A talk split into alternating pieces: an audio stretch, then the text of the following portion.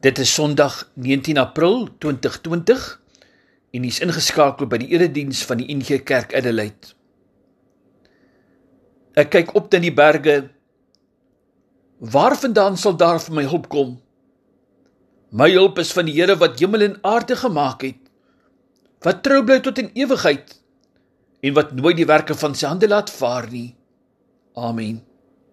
Liewe gemeente, u word gegroet in die naam van die Vader en die Seun en die Heilige Gees. Geliefdes, ons gaan vanoggend lees uit die boek Jeremia. Jeremia die 18de hoofstuk vanaf vers 1. Die opskrifie daarbo is soos klein in die pottebakker se hand. Die woord van die Here het tot Jeremia gekom. Gaan af na die pottebakker se huis toe. Ek sal daar met jou praat. Ek is toe af na die pottebakker se huis toe en hy was juis besig om iets op die skuif te maak. Maar die ding wat hy nie maak was uit die klei het misluk en het iets anders gemaak soos hy dit wou hê. Toe kom die woord van die Here tot my. Kan ek nie met julle doen wat hierdie pottebakker met die klei gedoen het nie, Israel? Vra die Here. Soos klei in die pottebakker se hand, soos julle in my hand, Israel. Een oomblik kondig ek aan dat ek 'n nasie koninkryk sal afbreek, sal uitroei, sal vernietig. Maar wanneer die nasie kom en hom bekeer van sy boosheid waaroor ek hom wou straf, sien ek af van die straf wat ek oor hom wou bring. En die volgende oomblik kondig ek aan dat ek die nasie en die koninkryk sal bou en sal vestig. Liewe gemeente, heel dikwels maak ons ook 'n gemors van ons lewe of van die geleenthede in ons lewe. Ons doen soms dinge waaroor ons later baie spyt is. Somstyds drype mense toets of 'n eksamen. Somstyds voel jy dat jou lewe skeefloop, anders verloop as wat jy beplan het. Jou huwelik, jou gesinslewe, jou loopbaan, jou finansies loop anders as wat jy beplan en voorsien het. Soms is 'n mens net eenvoudig teleurgesteld in jouself en in die lewe. Daar het dalk dikwels dinge in die lewe gebeur waaroor u nie beheer gehad het nie. Dit kon gewees het ongelukkige kinderjare, 'n gebroke huis, 'n siekte wat jou geknou het of doodgewoon die genetiese samestelling waarmee ons in die wêreld ingekom het. Somstyds voel dit of 'n mens se lewe 'n mislukking is. Somstyds wonder 'n mens of hy nie maar 'n dropout is nie. Die wêreld leef in 'n lockdown situasie as gevolg van die koronavirus. Die wêreld het tot stilstand gekom. Geleerdes beweer die wêreld sal nooit weer dieselfde hierna wees nie. Dis asof God die resetknopie gedruk het om die wêreld nog 'n kans te gee. Waterbesoedeling neem af. Lugbesoedeling neem af. In Italië keer die watervoëls terug. In Indië kan die berge die eerste keer in 30 jaar gesien word as gevolg van die ligbesoedeling wat afgeneem het. Dan nooi die Here ons vandag vir jou en vir my om saam met Jeremia te stap na die pottebakker se huis. Israel het ook heel dikwels 'n gemors aangevang met die geleenthede wat God vir hulle gegee het. Israel se geskiedenis is telkens gekenmerk deur verkeerde keuses en sondige afdraaipaaie Telkens maak Israel 'n mislukking van sy geskiedenis. Baie dikwels het Israel die drop-out volk geword tussen die volkere van destyds. Israel is moedeloos en die profeet Jeremia nog moedeloser. Daarom het God dit nodig geag om Jeremia op 'n voetkundige toer te neem na die pottebakker se huis. Wil u nie saamgaan nie? Deur dit vandag ook vir u en vir my opvoedkundige les. Dan is ons saam met Jeremia by die pottebakker se huis. Kyk, die pottebakker is juis besig om iets op die pottebakker se wiel te maak. Die pottebakker is besig om 'n pragtige kruik op die pottebakker se wiel te maak. Dan skielik stort die klei in mekaar op die wiel en alles is 'n mislukking. Gaan die pottebakker die klei weggooi? Nee, Hy knie dit weer saam.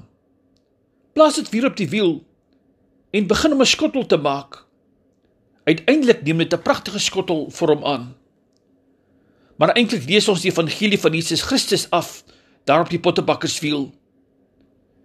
Dikwels stort ons lewe ook in tye op die wentelende ratte van die wiel van die lewe.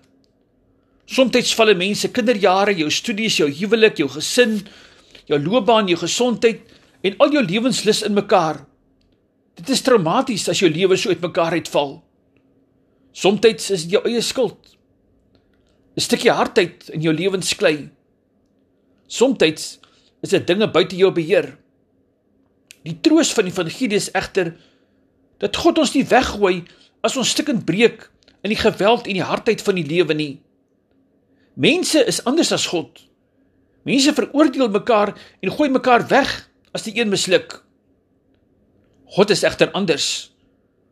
God knie ons in ons beproewinge en teenslae saam om vir ons iemand nuut nuut nuuts te maak. Soos die pottebakker wat van in mekaar gesakte klei 'n pragtige skottel maak. Die pottebakker maak nie van elke hoopie klei dieselfde voorwerp nie. Hy maak wat hy wil met die klei. Hy verander selfs van plan om iets beters te maak van die klei. Die stuk klei kan nie 'n fles wees nie. Nou maak hy daarvan 'n skottel. God raak nie ontslaaf van die klei wat wat hy uitgekom het soos hy dit wou gehad het nie. Hy verander dit eenvoudig in iets anders. Sommige mense kla dat as God die pottebakker is en ons die klei, dan beteken dit dat die mens geen vryheid het nie. Dat ons slegs maar net magtelose klei is in die hande van die Vader. Maar dan sien ons vryheid verkeerd. 'n Vis is ook vry, maar slegs as die vis in die water is. Martin Luther het gesê: Ons is vry van die wet, maar nooit vry van God en ons naaste nie. Sonder God en ons naaste is daar geen vryheid moontlik nie wanneer God die pottebakker se wil van ons wil wil van ons meer maak as wat ons is. Soos die Engelse skrywer C.S. Lewis in sy boek Meer Christianity skrywe. Verbeel jou jy's 'n lewende huis. God kom om die huis te ver, te herbou. Daklekke en stikkende vloerplanke moet byvoorbeeld reggemaak word. Maar dan begin hy met verbrekings in die huis wat nie vir jou sin maak nie. Wat is hy besig om te doen? Die verduideliking is dat hy totaal 'n ander huis bou as die een wat jy in gedagte het. Jy dink dat God 'n klein netjies huisie gaan bou. God het egter 'n paleis in gedagte waarin hy self wil kom woon. Ja, in God se hande word ons vryheid nie ontneem nie. Nee, ons is in beter hande. Somstyds kla iemand dat hy sy nuwagtige geaardheid het maar God maak daarvan 'n positiewe eienskap want sy senuweeagtigheid maak vir hom 'n sensitiewe leier wat ander mense verstaan en begrip vir hulle het. Iemand anders word gejaag deur die onbesonderheid van jare gelede. As hy nie God se liefde in sy vergifnis ervaar het nie, sou hy vandag 'n onuitstaanbare mens gewees het om mee saam te leef. Of ek ken 'n man wat graag wou verder gaan studeer en dit kon doen nie en vandag het sy pad gaan om die deure vir sy kinders en vir ander mense oop te maak. Of die persoon wat deur siekte of gebrek getuister word, verstaan sy eie en sy medemense broosheid soveel beter. Of die persoon wat so finansiëel swaar trek, het soveel meer medelee met die gebrek van ander sodat hy nooit kla nie. So mense soveel meer dankbaar vir die klein dingetjies in die lewe. Jy sien God wil ons laste en mislukkings verander in iets positiefs. God wil ons laste in vleuels verander. Soos die beroemde gedig van die Duitse digter Friedrich von Schiller.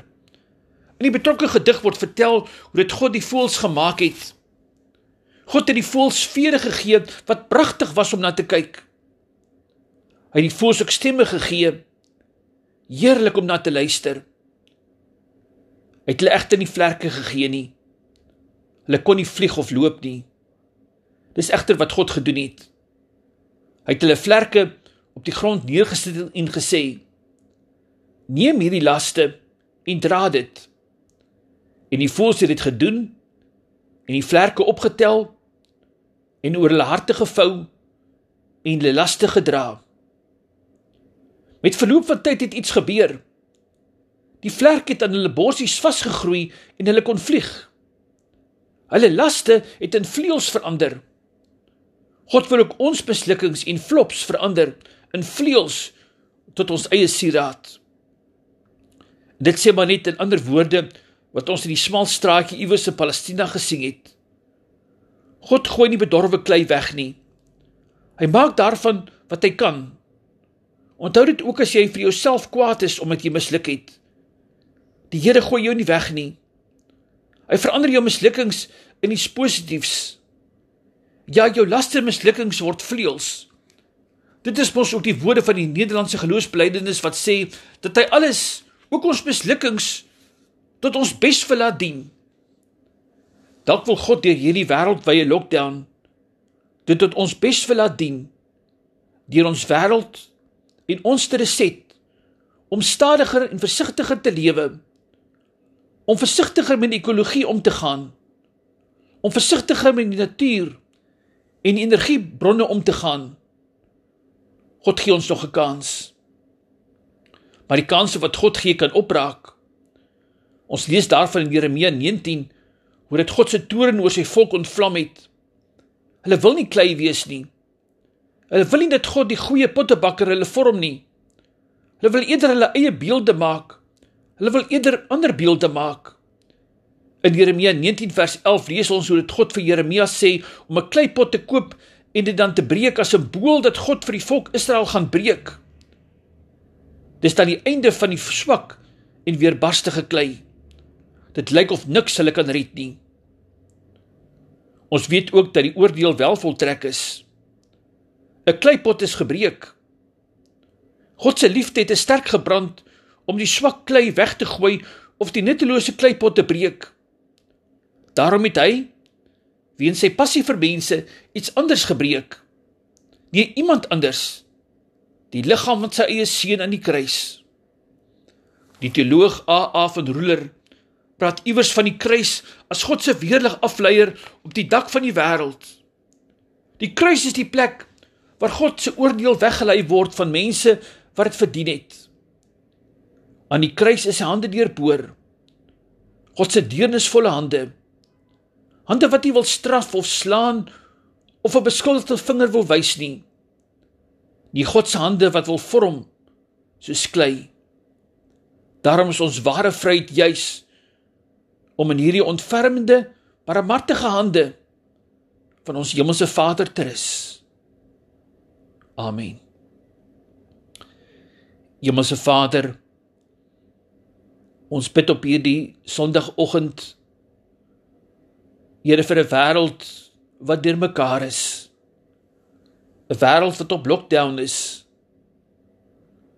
Here ons bid vir baie mense op hierdie oomblik wat in die wêreld baie swaar kry het sy deur siekte of het sy deur ekonomiese implikasies van die lockdown Here besighede wat stil staan, mense wat nie inkomste verdien nie. Mense wat broodsgebrek ly, hongersnood wat toeneem. Here die ekonomie in die wêreld het in duie gestort.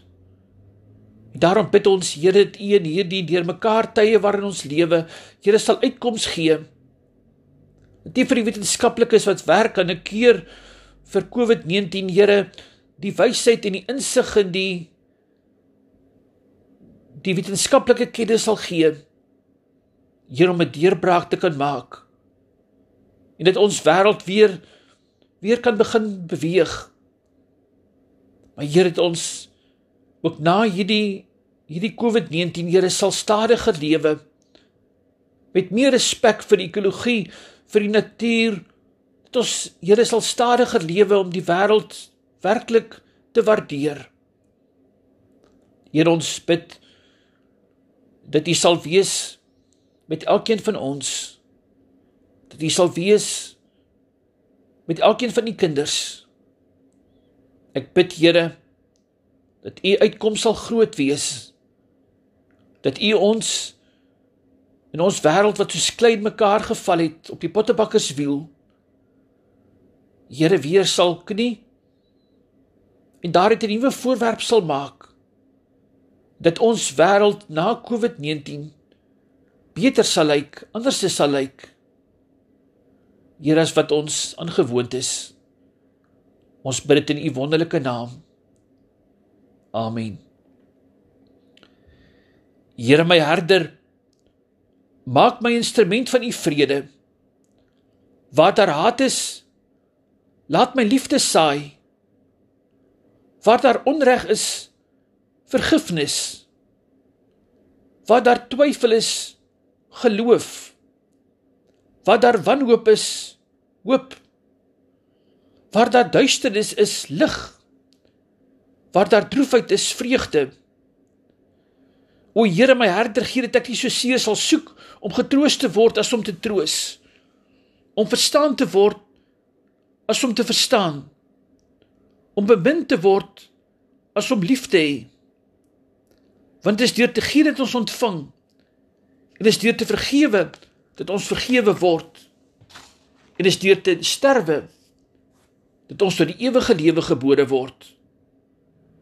Mag dit aan die liefde van God ons Vader, die genade van Here Jesus Christus en die innige gemeenskap van die Heilige Gees met elkeen van u wees. Amen.